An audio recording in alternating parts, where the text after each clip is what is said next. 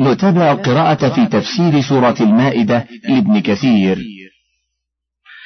يقول تعالى مخبرا وحاكيا بكفر النصارى في ادعائهم في المسيح ابن مريم وهو عبد من عباد الله وخلق من خلقه أنه هو الله. تعالى الله عن قولهم علوا كبيرا. ثم قال مخبرا عن قدرته على الأشياء وكونها تحت قهره وسلطانه قل فمن يملك من الله شيئا إن أراد أن يهلك المسيح ابن مريم وأمه ومن في الأرض جميعا. أي لو أراد ذلك فمن ذا الذي كان يمنعه منه؟ أو من ذا الذي يقدر على صرفه عن ذلك؟ ثم قال ولله ملك السماوات والأرض وما بينهما يخلق ما يشاء. أي جميع الموجودات ملكه وخلقه وهو القادر على ما يشاء لا يسأل عما يفعل بقدرته وسلطانه وعدله وعظمته. وهذا رد على النصارى عليهم لعائن الله المتتابعة إلى يوم القيامة. ثم قال تعالى رادا على اليهود والنصارى في كذبهم وافترائهم. وقالت اليهود والنصارى نحن أبناء الله وأحباؤه أي نحن منتسبون إلى أنبيائه وهم بنوه وله بهم عناية وهو يحبنا ونقلوا عن كتابهم أن الله تعالى قال لعبده إسرائيل أنت ابن بكر فحملوا هذا على غير تأويله وحرفوه وقد رد عليهم غير واحد ممن أسلم من عقلائهم وقالوا هذا يطلق عندهم على التشريف والإكرام كما نقل النصارى عن كتابهم أن عيسى قال لهم إني ذاهب إلى أبي وأبيكم يعني ربي وربكم. ومعلوم أنهم لم يدعوا لأنفسهم من البنوة ما ادعوها في عيسى عليه السلام. وإنما أرادوا من ذلك معزتهم لديه وحظوتهم عنده. ولهذا قالوا نحن أبناء الله وأحباؤه. قال الله تعالى رادا عليهم قل فلم يعذبكم بذنوبكم؟ أي لو كنتم كما تدعون أبناءه وأحباءه فلم أعد لكم نار جهنم على كفركم وكذبكم وافترائكم؟ وقد قال بعض شيوخ الصوفية لبعض الفقهاء أين تجد في القرآن أن الحبيب لا يعذب حبيبه؟ فلم يرد عليه فتلا عليه الصوفي هذه الآية قل فلم يعذبكم بذنوبكم؟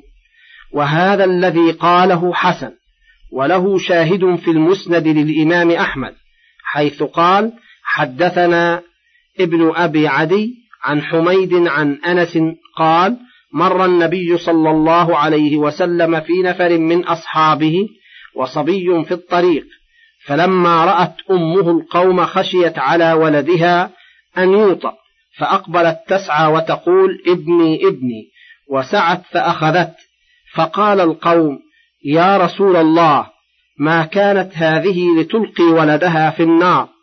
قال فحفظهم النبي صلى الله عليه وسلم فقال لا والله ما يلقي حبيبه في النار تفرد به أحمد. بل أنتم بشر ممن خلق أي لكم أسوة أمثالكم من بني آدم وهو سبحانه الحاكم في جميع عباده. يغفر لمن يشاء ويعذب من يشاء. أي هو فعال لما يريد لا معقب لحكمه وهو سريع الحساب. ولله ملك السماوات والأرض وما بينهما. أي الجميع ملكه وتحت قهره وسلطانه. وإليه المصير أي المرجع والمآب إليه. فيحكم في عباده بما يشاء وهو العادل الذي لا يجور.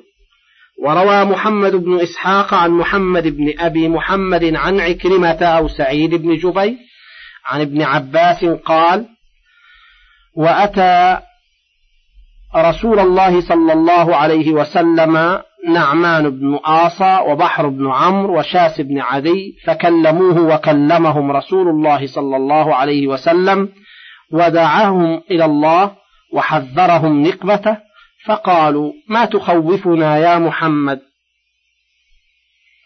نحن والله أبناء الله وأحباؤه كقول النصارى فأنزل الله فيهم وقالت اليهود والنصارى نحن أبناء الله وأحباؤه. إلى آخر الآية رواه ابن أبي حاتم وابن جرير وروي أيضا من طريق أصباط عن السدي في قول الله وقالت اليهود والنصارى نحن أبناء الله وأحباؤه. أما قولهم نحن أبناء الله فإنهم قالوا إن الله أوحى إلى إسرائيل أن ولدك بكري من الولد فيدخلهم النار فيكونون فيها أربعين ليلة حتى تطهرهم. وتأكل خطاياهم ثم ينادي مناد أن اخرجوا أن أخرجوا كل مختون من ولد إسرائيل فأخرجوهم. فذلك قولهم لن تمسنا النار إلا أياما معدودات. يا أهل الكتاب قد جاءكم رسولنا يبين لكم على فترة من الرسل أن تقولوا ما جاءنا من بشير ولا نذير؟ فقد جاءكم بشير ونذير والله على كل شيء قدير. يقول تعالى مخاطبا أهل الكتاب من اليهود والنصارى بأنه قد أرسل إليهم رسوله محمدا صلى الله عليه وسلم خاتم النبيين الذي لا نبي بعده ولا رسول بل هو المعقب لجميعهم ولهذا قال على فترة من الرسل أي بعد مدة متطاولة ما بين إرساله وعيسى ابن مريم وقد اختلفوا في مقدار هذه الفترة كم هي. فقال أبو عثمان النهدي وقتادة في رواية عنه كانت ستمائة سنة ورواه البخاري عن سلمان الفارسي وعن قتادة خمسمائة وستون سنة وقال معمر عن بعض أصحابه خمسمائة وأربعون سنة وقال الضاحك أربع أربعمائة وبضع وثلاثون سنة.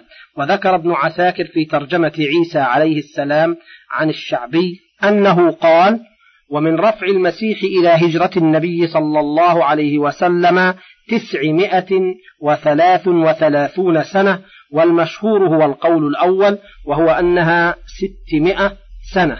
ومنهم من يقول ستمائة وعشرون سنة.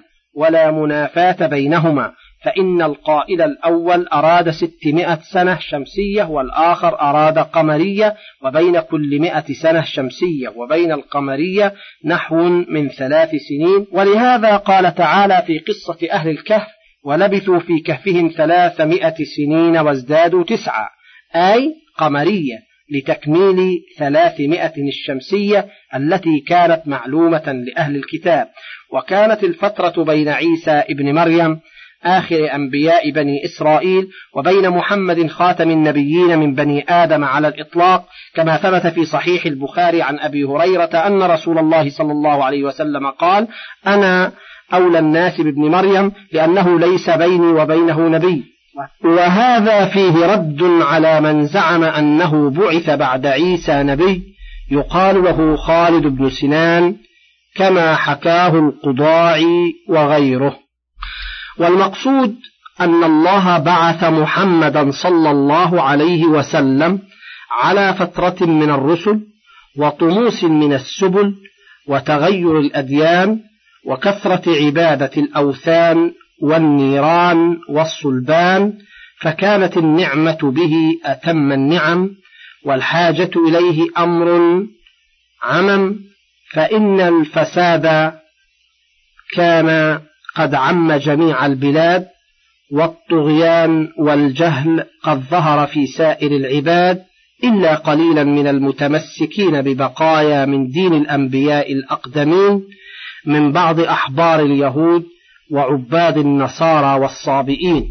كما قال الإمام أحمد حدثنا يحيى ابن سعيد حدثنا هشام حدثنا قتادة عن مطرف عن عياض بن حماد المجاشعي رضي الله عنه أن النبي صلى الله عليه وسلم خطب ذات يوم فقال في خطبته وإن ربي أمرني أن أعلمكم ما جهلتم مما علمني في يومي هذا كل مال نحلته عبادي حلال وإني خلقت عبادي حنفاء كلهم وإن الشياطين أتتهم فأضلتهم عن دينهم وحرمت عليهم ما أحللت لهم وأمرتهم أن يشركوا بي ما لم أنزل به سلطانا ثم إن الله عز وجل نظر إلى أهل الأرض فمقتهم عربهم وعجمهم إلا بقايا من بني إسرائيل وقال إنما بعثتك لأبتليك وأبتلي بك وأنزلت عليك كتابا لا يغسله الماء تقرأ نائما ويقظانا ثم إن الله أمرني أن أحرق قريشا فقلت يا رب إذا يثلغ رأسي فيدعوه خبزة فقال استخرجهم كما استخرجوك واغزهم نغزك وأنفق عليهم فسننفق عليك وابعث جيشا نبعث خمسة أمثاله وقاتل بمن أطاعك من عصاك وأهل الجنة ثلاثة ذو سلطان مقسط منفق متصدق ورجل رحيم رقيق القلب بكل ذي قربى ومسلم ورجل عفيف فقير ذو عيال وأهل النار خمسة الضعيف الذي لا دين له والذين هم فيكم تبع أو تبعا شك يحيى لا يبتغون أهلا ولا مالا والخائن الذي لا يخفى له طمع وإن دقل إلا خانه.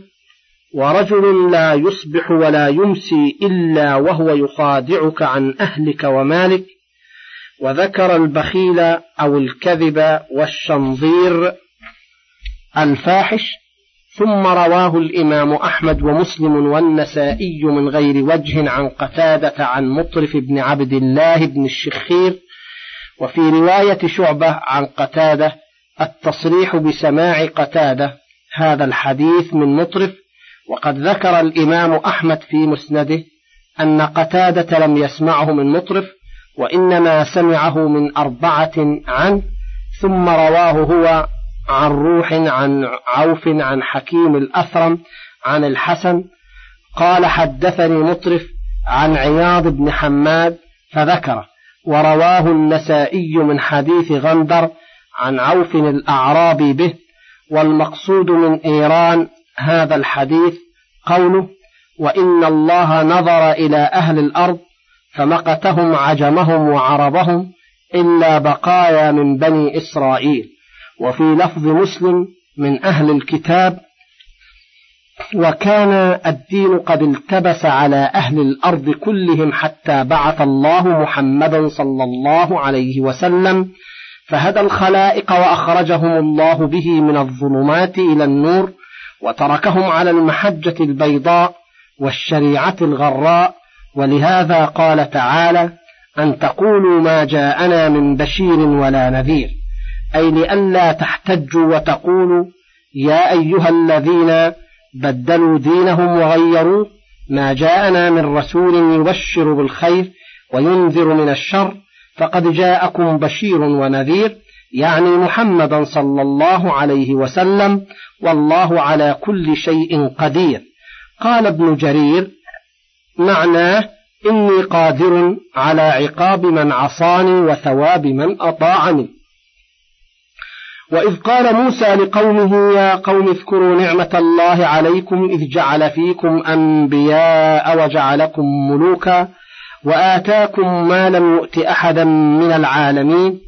يا قوم ادخلوا الأرض المقدسة التي كتب الله لكم ولا ترتدوا على أدباركم فتنقلبوا خاسرين. قالوا يا موسى إن فيها قوما جبارين وإنا لن ندخلها حتى يخرجوا منها فإن يخرجوا منها فإنا داخلون. قال رجلان من الذين يخافون أنعم الله عليهم ادخلوا عليهم الباب فإذا دخلتموه فإنكم غالبون وعلى الله فتوكلوا إن كنتم مؤمنين. قالوا يا موسى إنا لن ندخلها أبدا ما داموا فيها فاذهب أنت وربك فقاتلا إنا هاهنا قاعدون. قال رب إني لا أملك إلا نفسي وأخي فافرق بيننا وبين القوم الفاسقين. قال فإنها محرمة عليهم أربعين سنة يتيهون في الأرض فلا تأس على القوم الفاسقين.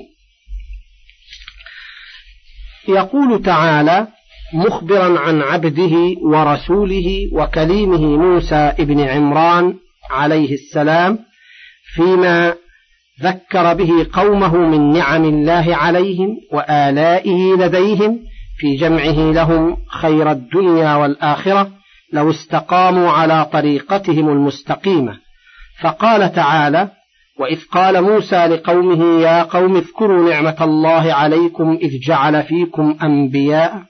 أي كلما هلك نبي قام فيكم نبي من لدن أبيكم إبراهيم إلى من بعده وكذلك كانوا لا يزال فيهم الأنبياء يدعون إلى الله ويحذرون نقمته حتى ختموا بعيسى ابن مريم عليه السلام ثم أوحى الله إلى خاتم الأنبياء والرسل على الإطلاق محمد بن عبد الله المنسوب إلى إسماعيل بن إبراهيم عليه السلام وهو أشرف من كل من تقدمه منهم صلى الله عليه وسلم وقوله وجعلكم ملوكا؟ قال عبد الرزاق عن الثوري عن منصور عن الحكم أو غيره عن ابن عباس في قوله وجعلكم ملوكا قال الخادم والمرأة والبيت وروى الحاكم في مستدركه من حديث الثوري أيضا عن الأعمش عن مجاهد عن ابن عباس قال المرأة والخادم وآتاكم ما لم يؤت أحدا من العالمين قال الذين هم بين ظهرانيهم يومئذ ثم قال الحاكم صحيح على شرط الشيخين ولم يخرجاه. وروى ميمون ابن مهران عن ابن عباس قال كان الرجل من بني إسرائيل إذا كان له الزوجة والخادم والدار سمي ملكا وقال ابن جرير حدثنا يونس ابن عبد الأعلى أنبأنا ابن وهب أنبأنا أبو هانئ أنه سمع أبا عبد الرحمن الحنبلي يقول سمعت عبد الله ابن عمرو بن العاص وسأله رجل فقال ألسنا من فقراء المهاجرين؟ فقال عبد الله ألك امرأة تأوي إليها؟ قال نعم. قال ألك مسكن تسكنه؟ قال نعم.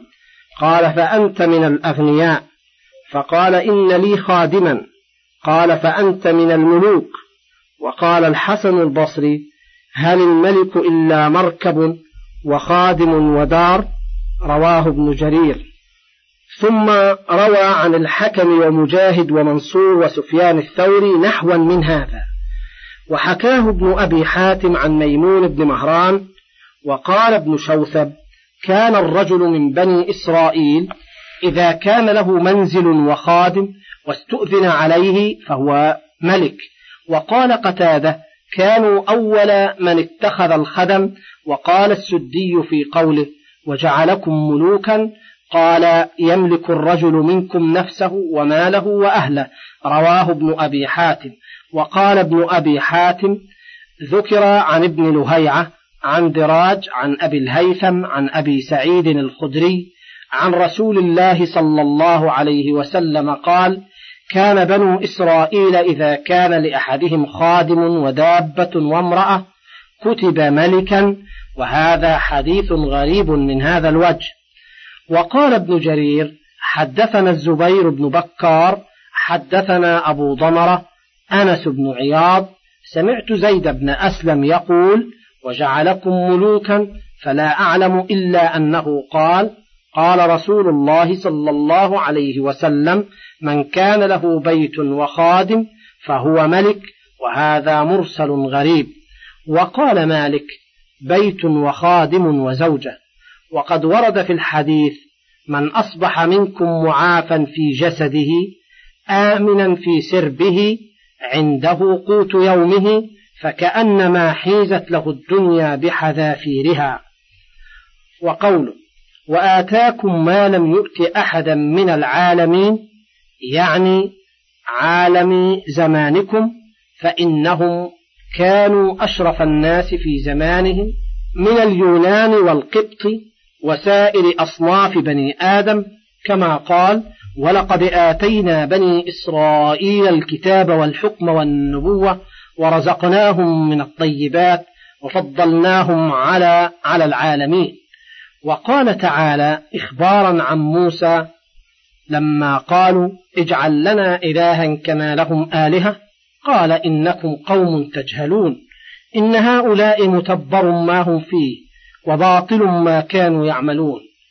قال أغير الله أبغيكم إلها وهو فضلكم على العالمين والمقصود أنهم كانوا أفضل زمانهم وإلا فهذه الأمة أشرف منهم وأفضل عند الله وأكمل شريعة وأقوم منهاجا وأكرم نبيا وأعظم ملوكا وأغزر أرزاقا وأكثر أموالا وأولادا وأوسع مملكة وأدوم عزا قال الله تعالى وكذلك جعلناكم أمة وسطا لتكونوا شهداء على الناس وقد ذكرنا الأحاديث المتواترة في فضل هذه الأمة وشرفها وكرمها عند الله عند قوله تعالى كنتم خير أمة أخرجت للناس من سورة آل عمران وروى ابن جرير عن ابن عباس وأبي مالك وسعيد بن جبير أنهم قالوا في قوله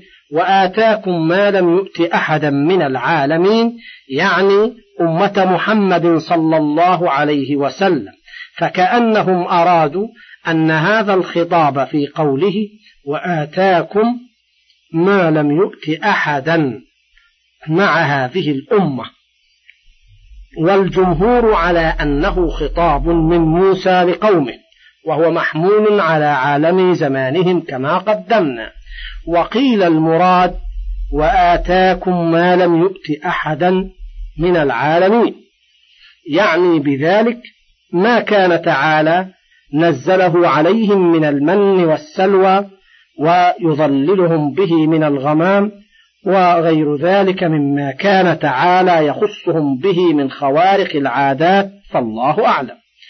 ثم قال تعالى مخبرا عن تحريض موسى عليه السلام لبني إسرائيل على الجهاد والدخول إلى بيت المقدس الذي كان بأيديهم في زمان أبيهم يعقوب لما ارتحل هو وبنوه وأهله إلى بلاد مصر أيام يوسف عليه السلام ثم لم يزالوا بها حتى خرجوا مع موسى فوجدوا فيها قوما من العمالقة الجبارين قد استحوذوا عليها وتملكوها فأمرهم رسول, رسول الله موسى عليه السلام بالدخول إليها وبقتال أعدائهم وبشرهم بالنصرة والظفر عليهم فنكلوا وعصوا وخالفوا أمره فعوقبوا بالذهاب في التيه والتمادي في سيرهم حائرين لا يدرون كيف يتوجهون فيه إلى مقصد مدة أربعين سنة عقوبة لهم على تفريطهم في أمر الله تعالى. فقال تعالى مخبرا عن موسى أنه قال يا قوم ادخلوا الأرض المقدسة أي المطهرة. وقال سفيان الثوري عن الأعمش عن مجاهد عن ابن عباس في قوله ادخلوا الأرض المقدسة قال هي الطور وما حوله وكذا قال مجاهد وغير واحد. وروى سفيان الثوري عن أبي سعيد البقال عن عكرمة عن ابن عباس قال هي أريحاء وكذا ذكر عن غير واحد من المفسرين.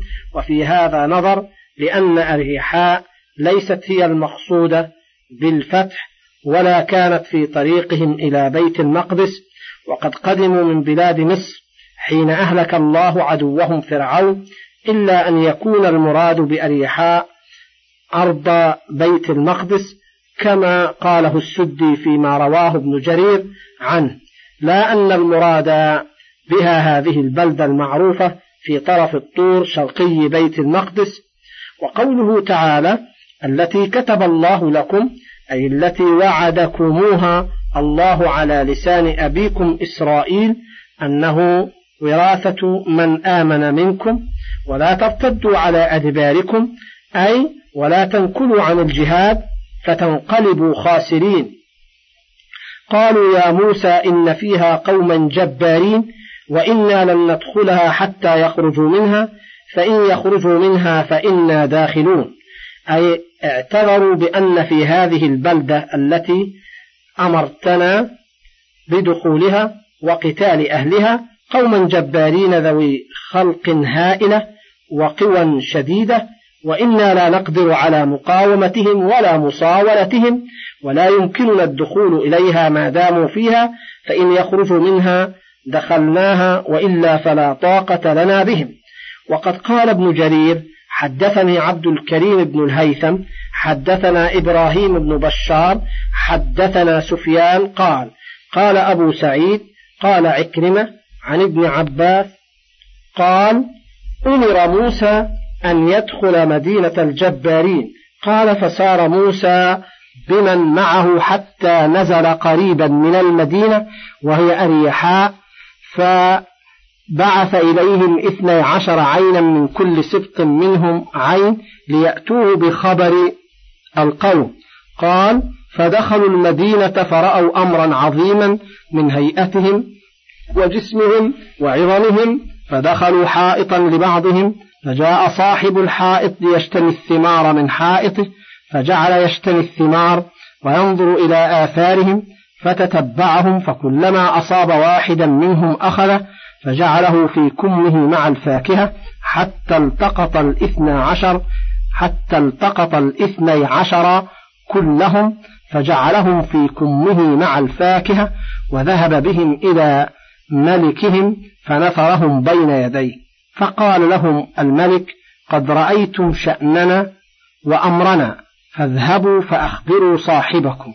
قال فرجعوا إلى موسى فأخبروه بما عاينوا من أمرهم وفي هذا الإسناد نظر وقال علي بن أبي طلحة عن ابن عباس لما نزل موسى وقومه بعث منهم اثني عشر رجلا وهم النقباء الذين ذكرهم الله فبعثهم ليأتوه بخبرهم فصاروا فلقيهم رجل من الجبارين فجعلهم في كسائه فحملهم حتى أتى بهم المدينة ونادى في قومه فاجتمعوا إليه فقالوا من أنتم؟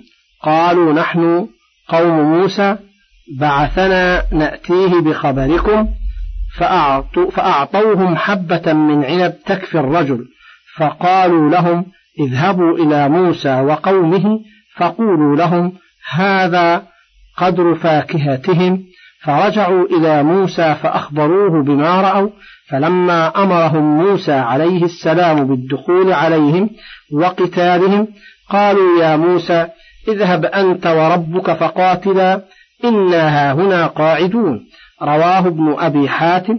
من فضلك تابع بقية المادة.